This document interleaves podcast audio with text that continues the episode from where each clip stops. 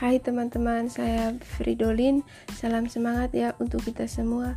Tetaplah semangat meskipun dalam kondisi wabah virus corona ini. Dan yang paling penting teman-teman tetaplah menjaga kesehatan.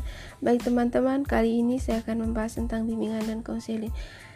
Baik, Pengertian bimbingan dan konseling sendiri itu teman-teman yaitu proses interaksi antara konseli dengan konselor baik secara langsung maupun tidak langsung dalam rangka untuk membantu konseli agar dapat mengembangkan potensi dirinya ataupun memecahkan permasalahan yang dihadapinya.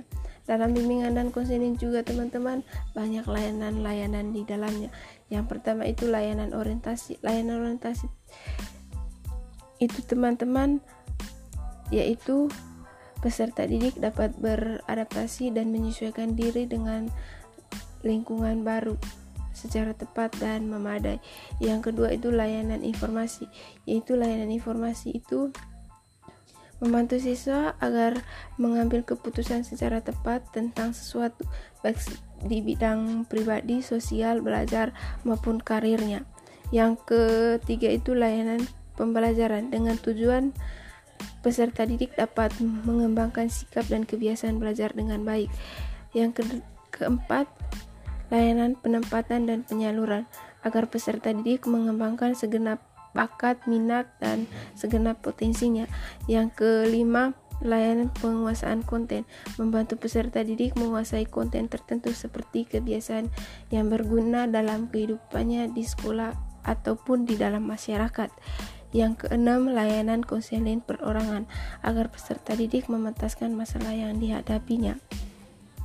Yang ketujuh, layanan kelompok untuk pemahaman dan pembang, pengembangan peserta didik sendiri.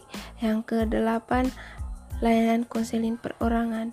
Lay maaf teman-teman, yang kedelapan itu layanan konseling kelompok untuk pementasan peserta didik yang ke-9 layanan konsultasi. Dan yang ke-10 layanan mediasi. 11 dukungan sistem.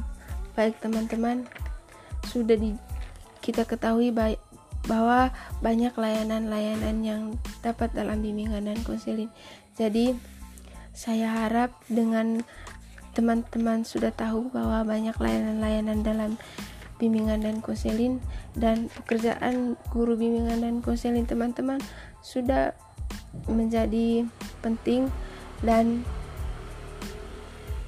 sudah seharusnya mengubah pikiran teman-teman bahwa pekerjaan guru bimbingan dan konseling bukan hanya sebagai polisi sekolah di sekolah yang hanya kerjaannya hanya memukul siswa yang datang terlambat ke sekolah jadi ubahlah pemikiran teman-teman itu.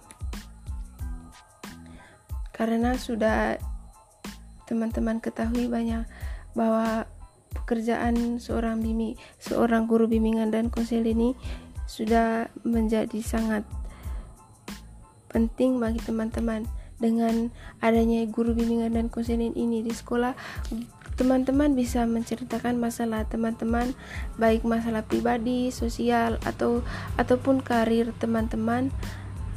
Bisa anda bisa teman-teman ceritakan di guru bimbingan dan konseling teman-teman. Sehingga dengan begitu masalah ataupun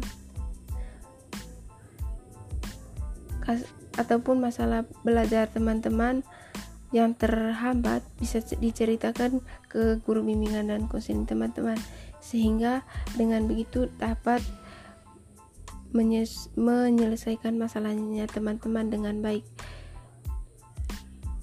dan teman-teman bisa menceritakan masalahnya dengan baik kepada guru bimbingan dan konseling. Sekian dari saya, teman-teman. Selamat untuk mencoba ya teman-teman dan semoga bisa bermanfaat untuk teman-teman. Sekian dari saya. Bye.